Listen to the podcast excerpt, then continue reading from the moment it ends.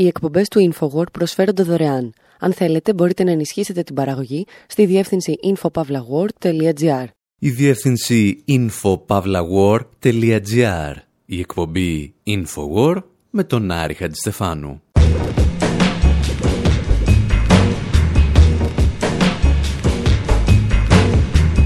όπου σήμερα ακούμε μαζί σας την τελευταία δουλειά του Roger Waters, τον Pink Floyd. Αναζητούμε την πολιτική του καρδιά από τα νησιά Falkland ή Μαλβίνας μέχρι το μεγαλύτερο στρατόπεδο συγκέντρωσης του κόσμου, τη Γάζα. Φεύγουμε πίσω στα παιδικά του χρόνια για να γνωρίσουμε τον θεοσεβούμενο κομμουνιστή πατέρα του.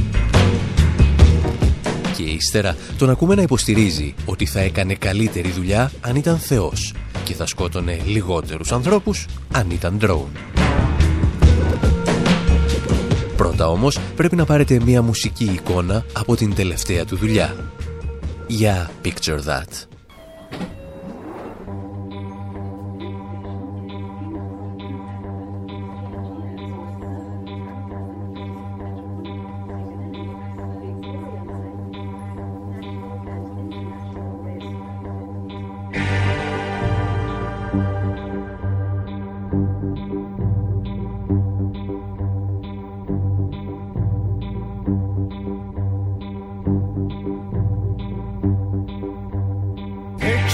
yourself as you lean on the port rail, tossing away your last cigarette.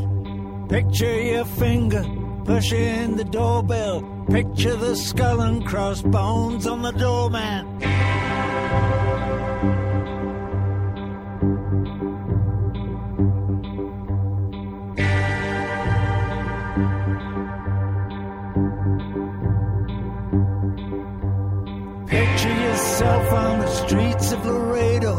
Picture the Casbah. Picture Japan.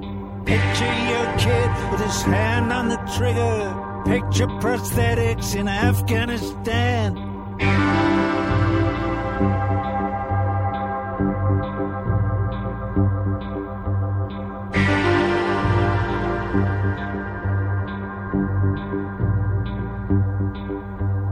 Picture a courthouse with no fucking laws.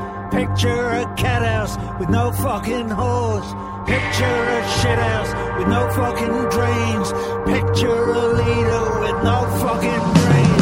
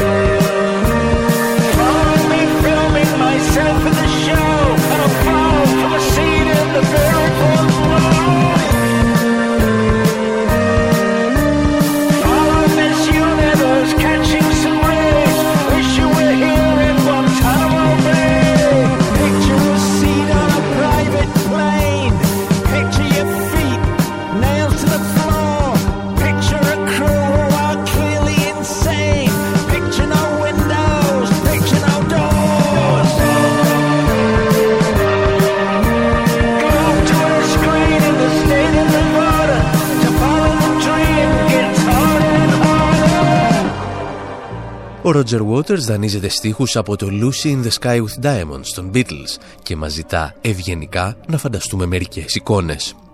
Τα παιδιά σας με το δάχτυλο σε μια σκανδάλη και ύστερα κάποιον με προσθετικά πόδια στο Αφγανιστάν. Ένα δικαστήριο χωρίς νόμους, ένα νίκο ανοχής χωρίς πόρνες, ένα καμπινέ χωρίς αποχέτευση και έναν πρόεδρο χωρίς μυαλό.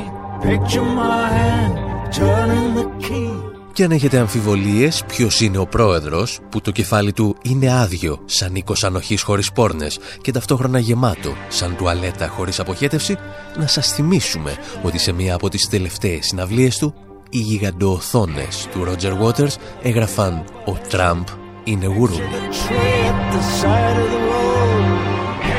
Και ύστερα στο ίδιο τραγούδι ο Waters μας καλεί να μπούμε σε ένα ιδιωτικό αεροπλάνο με τα πόδια δεμένα στο πάτωμα χωρίς παράθυρα και εύχεται λέει να ήμασταν εκεί, στο Guantanamo. Wish you were here in Guantanamo Bay.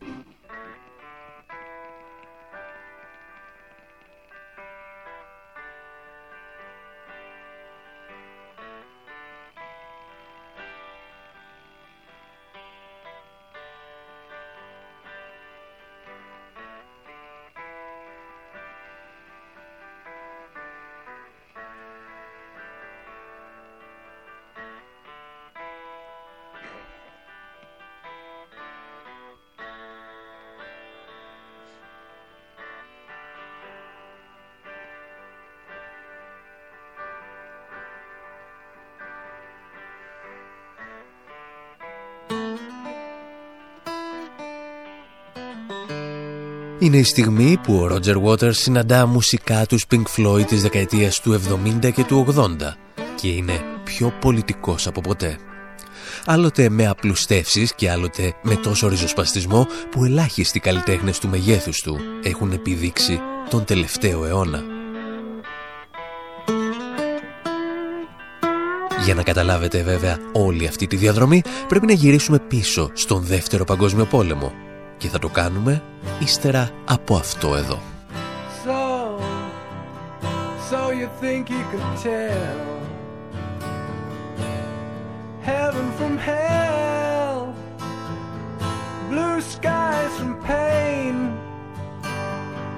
Can you tell a green field From a cold steel rail A smile from a veil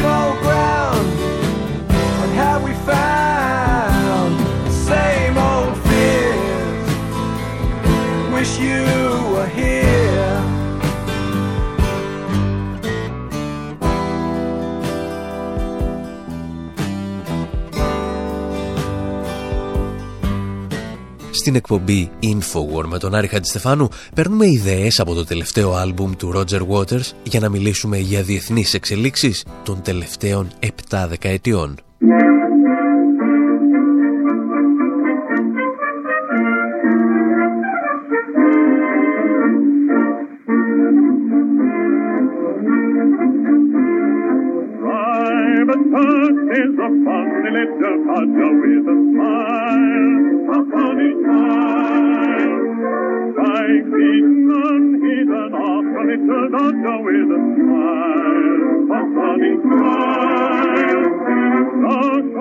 Ο Waters καταγόταν από οικογένεια ανθρακορίχων και μονάχα αυτός, του πατέρα του γιος, ήταν πια ένας αστός.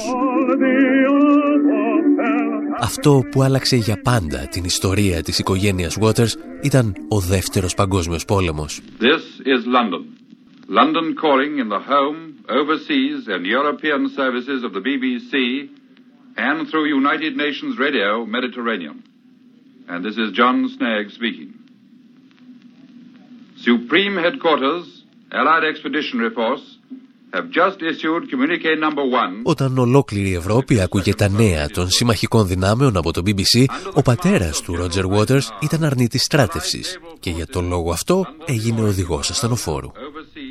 Για την ιστορία ήταν επίσης φανατικός θρησκευόμενος και κομμουνιστής, γεγονός που περιπλέκει τόσο την ιστορία μας, ώστε προτιμάμε να το αφήσουμε στην άκρη. Σε ό,τι μας αφορά, ο πατέρας του Ρότζερ αποφάσισε τελικά να καταταγεί για να πολεμήσει τον φασισμό το μήνα που γεννήθηκε το παιδί του, το Σεπτέμβριο του 1943. Πέντε μήνες αργότερα σκοτώθηκε σε μια μάχη στην Ιταλία, λίγο έξω από τη Ρώμη. Και ο Ρότζερ Waters δεν το συγχώρεσε αυτό ποτέ στον πόλεμο.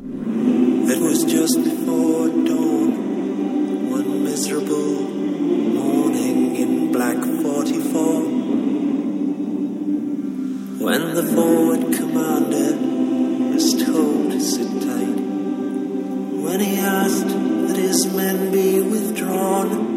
Το 1979, όταν ολοκληρώνεται και το The Wall, ο Roger Waters διηγείται με κάθε λεπτομέρεια το θάνατο του πατέρα του στο τραγούδι When the Tigers Broke Free.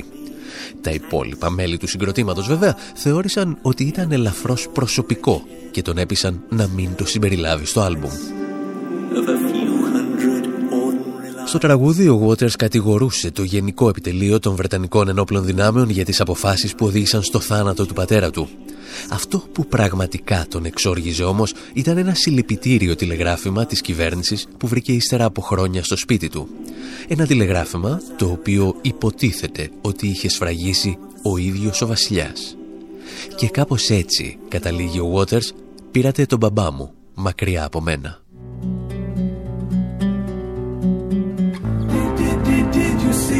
Frightened ones? Did, did, did, did you hear the falling bombs? Did, did, did, did you ever wonder why we had to run for shelter when the promise of a brave new world unfurled beneath the clear blue sky? Ο πόλεμος θα γίνει συστατικό στοιχείο της καλλιτεχνικής πορείας του Roger Waters, ιδίως από τη στιγμή που αναλαμβάνει τα στιχουργικά ενία των Pink Floyd όπως εδώ στο Goodbye Blue Sky που ακούμε και επιστρέφουμε.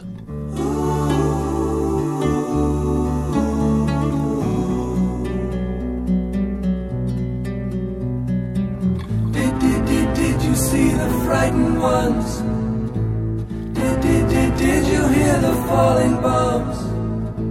The flames are all long gone, but the pain lingers on. Goodbye, blue sky.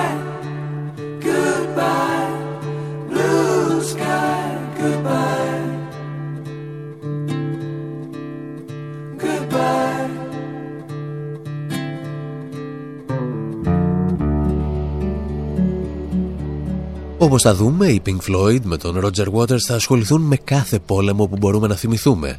Από το Βιετνάμ μέχρι τον πρώτο πόλεμο του κόλπου και από τη διάλυση της πρώην Ιγκοσλαβίας επιστρέφουν συχνά πυκνά στο δεύτερο παγκόσμιο πόλεμο.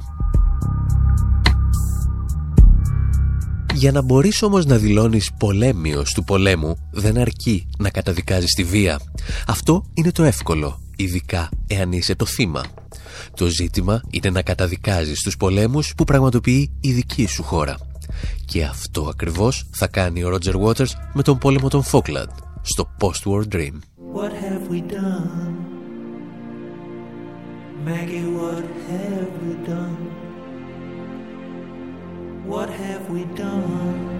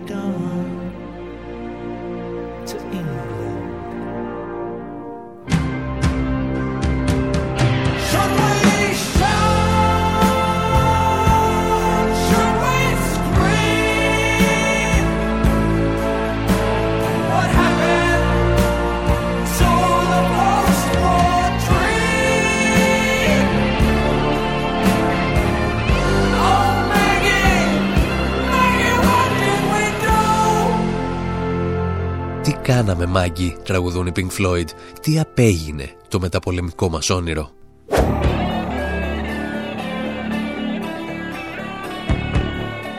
Βρισκόμαστε όπως καταλαβαίνετε στο 1982 και η Μάργαρετ Θάτσερ ετοιμάζεται να προσφέρει στους υπηκόους της μια ψευδέστηση από τις ημέρες της Βρετανικής Αυτοκρατορίας, κηρύσσοντας τον πόλεμο στην Αργεντινή. Το διακύβευμα είναι αστείο, μερικά διαμφισβητούμενα νησάκια στην άλλη άκρη του πλανήτη. Οι ηγέτες των δύο χωρών που τα διεκδικούν όμως, ο δικτάτορας Γκαλτιέρη της Αργεντινής και η σιδηρά κυρία της Βρετανίας, χρειάζονται επιγόντως έναν πόλεμο.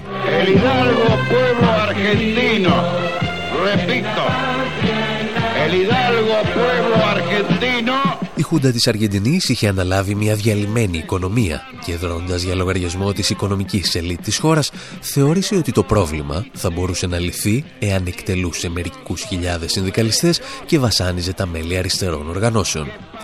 Ό,τι ονειρεύεται δηλαδή κάθε οικονομική ελίτ που σέβεται τον εαυτό της.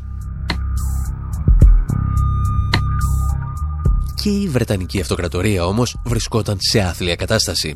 Και επειδή το να εκτελέσει και να βασανίσει τους συνδικαλιστές ήταν ελαφρώς άκομψο για τη Μάργαρετ Θάτσερ στα ευρωπαϊκά δεδομένα, η σιδηρά κυρία προτίμησε να ξεκινήσει έναν πόλεμο. Τα εξηγούσαν με λιγότερες λεπτομέρειες οι Exploited στο Let's Start a War.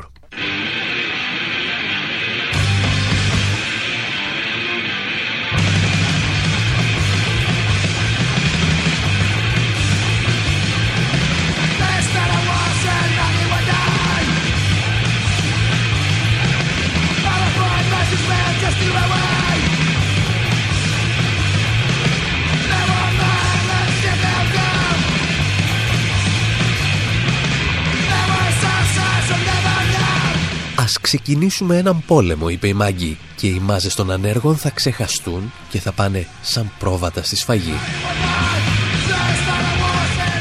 Η ανάλυση των Exploited είναι απόλυτα σωστή. Οι Pink Floyd όμως και συγκεκριμένα ο Roger Waters θα αναλάβουν να την εντάξουν στο ιστορικό της πλαίσιο.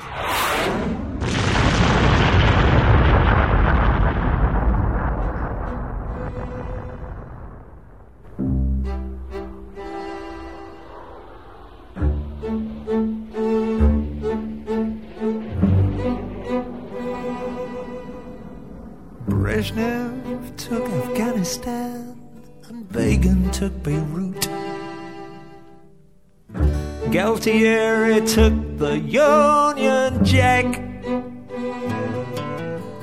And Maggie, over lunch one day, took a cruiser with all hands, apparently to make him give it back. Ο Μπρέζνιεφ, λέει, πήρε το Αφγανιστάν, ο Μπέγκινγκ πήρε τη Βηρητό και ο Γκαλτιέρη πήρε μια Βρετανική σημαία. Και η Μάργαρετ Θάτσερ, ενώ έπαιρνε το δείπνο της, έστειλε ένα καταδρομικό για να την φέρει πίσω. Ο Ρότζερ Βότερς αναφέρεται φυσικά στη Σοβιετική εισβολή στο Αφγανιστάν, την Ισραηλινή επιδρομή στο Λίβανο και τον πόλεμο των Φόκλαντς.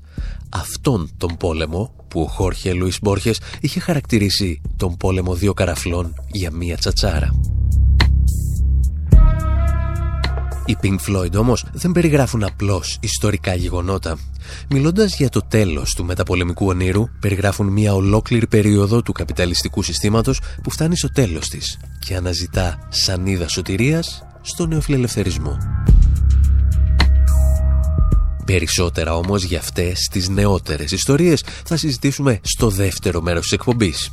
Μια εκπομπή αφιερωμένη στον Roger Waters με αφορμή το πρώτο στούντιο άλμπουμ που κυκλοφορεί εδώ και 25 χρόνια.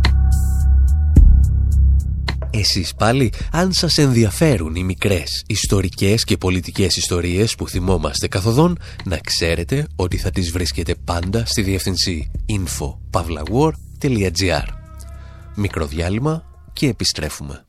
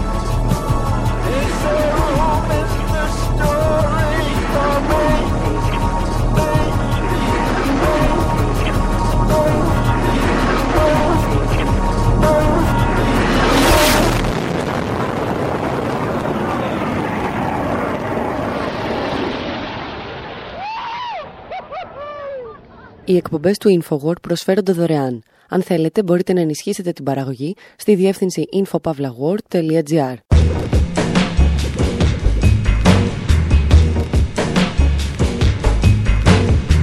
Εκπομπή Infowar, μέρος δεύτερο.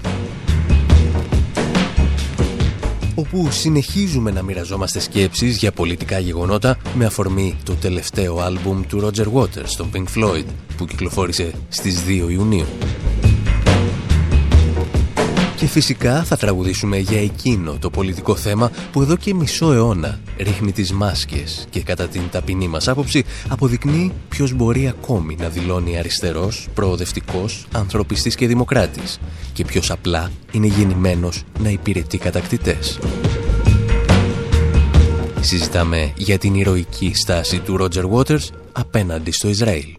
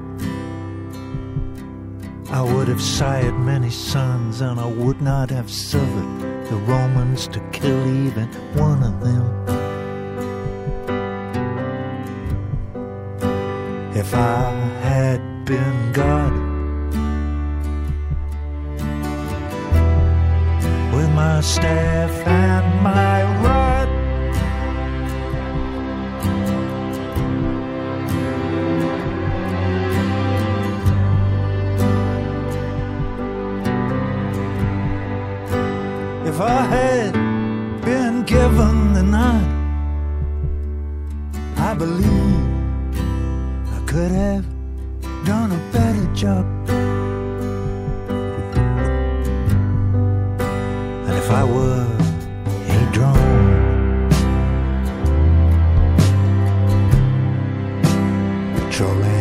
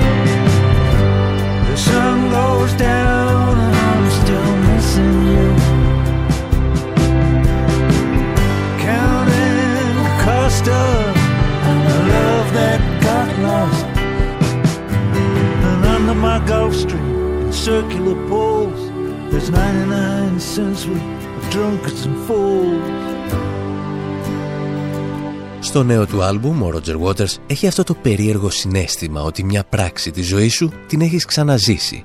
Αυτό το περίεργο ντεζαβού. Ήδη από το δεύτερο τραγούδι του νέου του άλμπουμ, ο παλιός Pink Floyd υποστηρίζει ευθαρσός ότι αν ήταν Θεός θα είχε κάνει καλύτερη δουλειά από αυτόν στον οποίο πιστεύουν ορισμένοι ακόμη και σήμερα. Και αν ήμουν λέει drone, ενώ θα περιπολούσα σε κάποιο ξένο ουρανό με τα ηλεκτρονικά μου μάτια, θα φοβόμουν μήπως βρω κάποιον μέσα στο σπίτι του.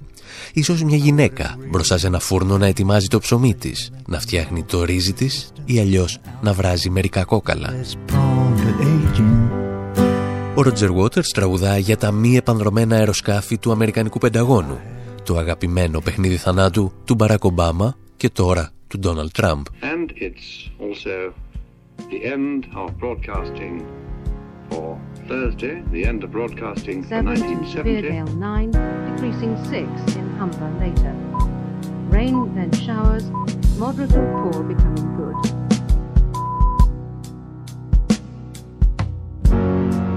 Southwesterly 6 to gale 8, occasionally severe gale 9. At the first stroke, it will be 11.24. 24, and 50 seconds. Το τελευταίο άλμπουμ του Roger Waters είναι ίσως από τις πιο πολιτικοποιημένες δουλειές της ζωής του και μαζί με την τελευταία δουλειά της PJ Harvey από τα πιο πολιτικοποιημένα άλμπουμ της δεκαετίας.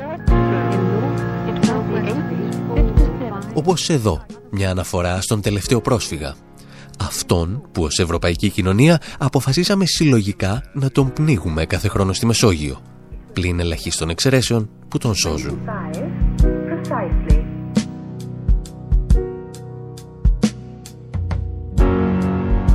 Τα τελευταία χρόνια ορισμένοι κριτικοί έχουν κατηγορήσει τον Ρότζερ Waters για απλουστευτική πολιτική σκέψη, κυρίως σε ό,τι αφορά τα μέσα ενημέρωσης και το ρόλο του στον έλεγχο των κοινωνιών της Δύσης. Το προηγούμενο άλμπουμ του μάλιστα με τίτλο Amused to Death στηριζόταν στις θεωρητικές αναλύσεις του Νίλ Postman, του ανθρώπου που προσπαθούσε να μας πείσει ότι για την αποχάβνωση των δυτικών κοινωνιών ευθύνεται η τηλεόραση. Όχι το μήνυμά της, αλλά το γεγονός ότι μεταδίδει λέει εικόνες αντί για γραπτό λόγο. Κάθε φορά όμως που περνά από το μυαλό σου η ιδέα να κατηγορήσεις τον Ρότζερ Waters για απλουστευτική πολιτική σκέψη, έρχεται ο ίδιος να σου θυμίσει ότι ο λόγος του είναι πολύ πιο ριζοσπαστικός από ό,τι θα μπορούσες να φανταστείς. Όπως όταν μιλάει για δολοφονίες πολιτών από την αστυνομία. Γι' αυτόν δεν είναι απλώς αστυνομική βαναυσότητα, είναι κρατική τρομοκρατία. Μας τα εξηγούσε, αν θυμάστε, πριν από μερικά χρόνια, στη συναυλία του στην Αθήνα. Θα ήθελα να αφαιρώσω αυτή τη συναυλία στον Jean Charles de Menezes και στην οικογένεια του για τον αγώνα τους για την αλήθεια και τη δικαιοσύνη. Ναι. Ναι.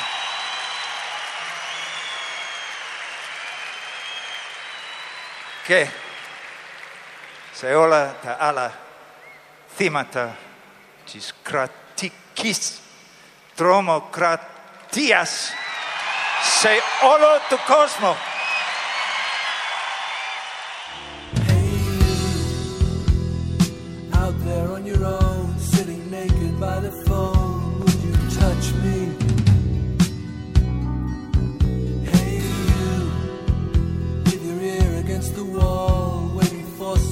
To call out, would you touch me?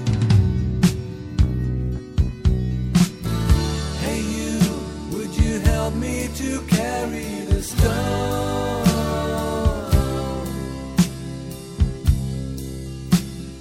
Open your heart. I'm coming home.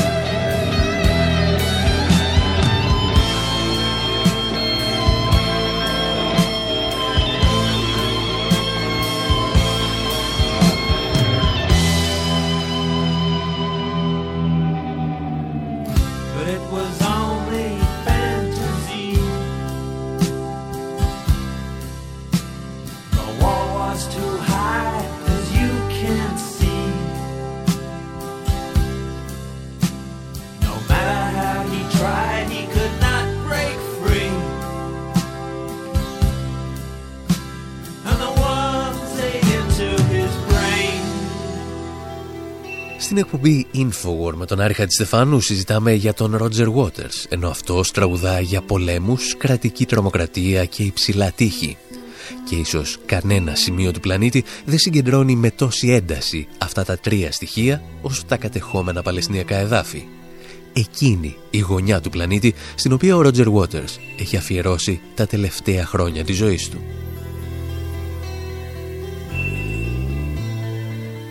Στο παρελθόν είχε συγκρίνει το κράτος του Ισραήλ με την ναζιστική Γερμανία, ενώ στηρίζει εδώ και χρόνια τις οργανώσεις που μάχονται ενάντια στα εγκλήματα κατά της ανθρωπότητας που πραγματοποιεί η κυβέρνηση της συγκεκριμένης χώρας. Και όταν χρειάστηκε δεν δίστασε να τα βάλει με τα μεγαθύρια της μουσικής βιομηχανίας, όπως τους Rolling Stones.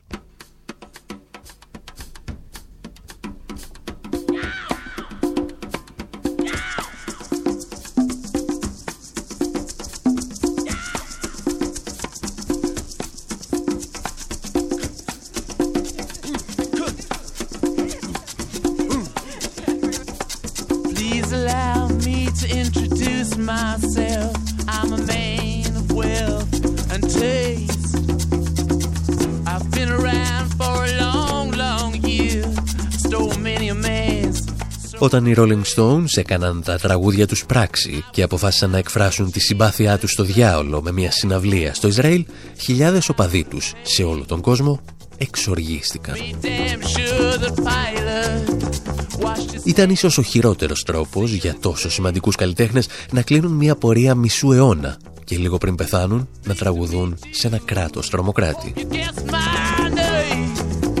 Guess my name. Παρόμοιες σκέψεις πρέπει να έκανε και ο Ρότζερ Waters και έτσι στις αρχές Μαΐου του 2004 συνυπέγραψε μια επιστολή μαζί με τον Nick Mason με την οποία καλούσε τους Rolling Stones να ακυρώσουν τη συναυλία. St. Petersburg. When I Τα εξηγούσε ο ίδιος, καταδικάζοντας ταυτόχρονα την πρόθεση του Ισραήλ να αντιμετωπίζει σαν εγκληματίες και τους δικούς του πολίτες που στηρίζουν το διεθνές μποϊκοτάζ. What I have in my hand is uh, a copy of an email that I got this morning from an organization called Boycott from Within. Έχω στα χέρια μου ένα email που έλαβα το πρωί από μια οργάνωση που λέγεται Μποϊκοτάζ από το εσωτερικό. Μου ζητούν να κάνω μια δήλωση γιατί αύριο το Ισραηλινό Κοινοβούλιο θα ψηφίσει για το αν το μποϊκοτάζ του Ισραήλ θα πρέπει να αντιμετωπίζεται σαν κακουργηματική πράξη. Μπορείτε να το πιστέψετε. Το μποϊκοτάζ ήταν μια από τις τεχνικές που χρησιμοποιήθηκε για την ανατροπή του καθεστώτος του Apartheid στη Νότια Αμερική. Πρόκειται για μια απόλυτα νομιμοποιημένη ενέργεια και τώρα η δεξιά πτέρυγα του Ισραηλινού Κοινοβουλίου προσπαθεί να την απαγορεύσει. And the Knesset are trying to make it illegal.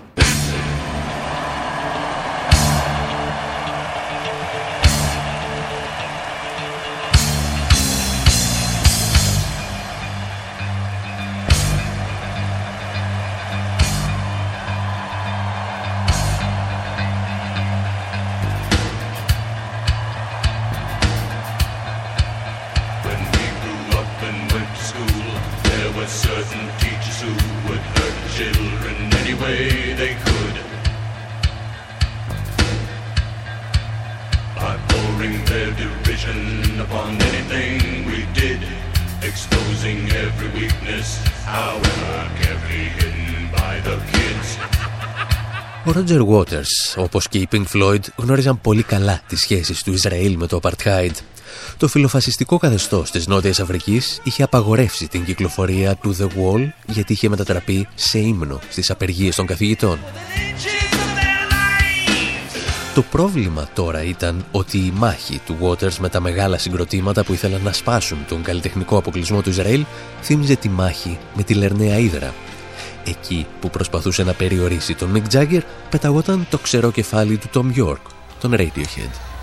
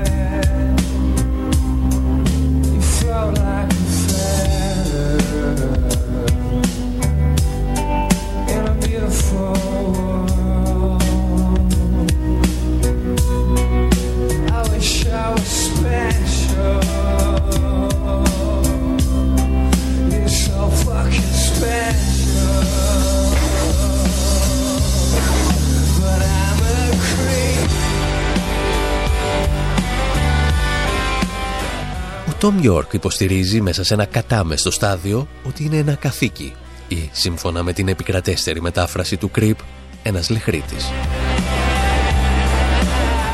Και ο λόγος για τον οποίο ακούμε τη συγκεκριμένη κακή εκτέλεση είναι ότι ηχογραφήθηκε κατά τη διάρκεια της μεγάλης συναυλίας που είχαν δώσει οι Radiohead στην Ολλανδία με αίτημα την απελευθέρωση του Θιβέτ.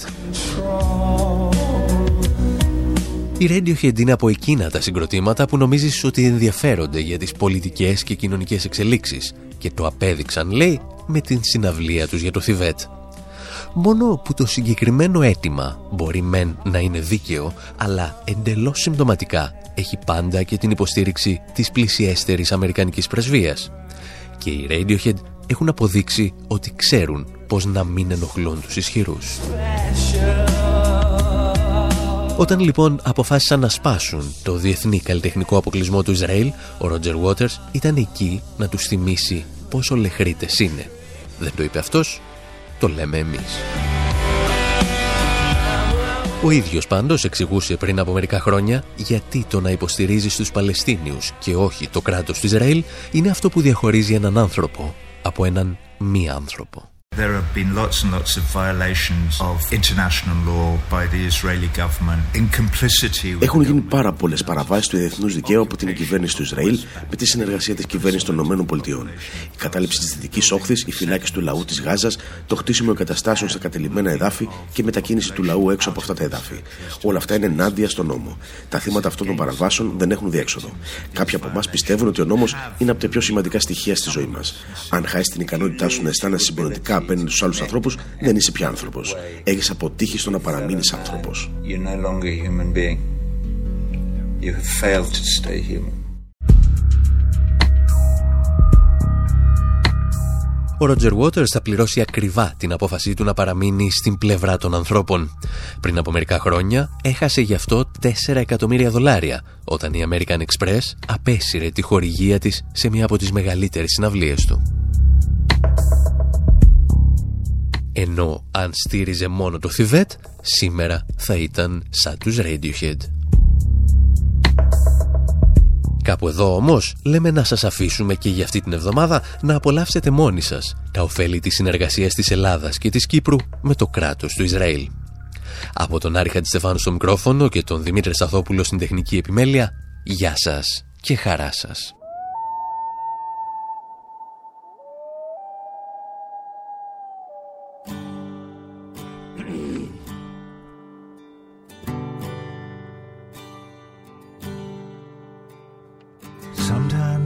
Stare at the night sky. See them stars a billion light years away. And it makes me feel small like a bug on a wall. Who gives a shit anyway? Who gives a shit anyway?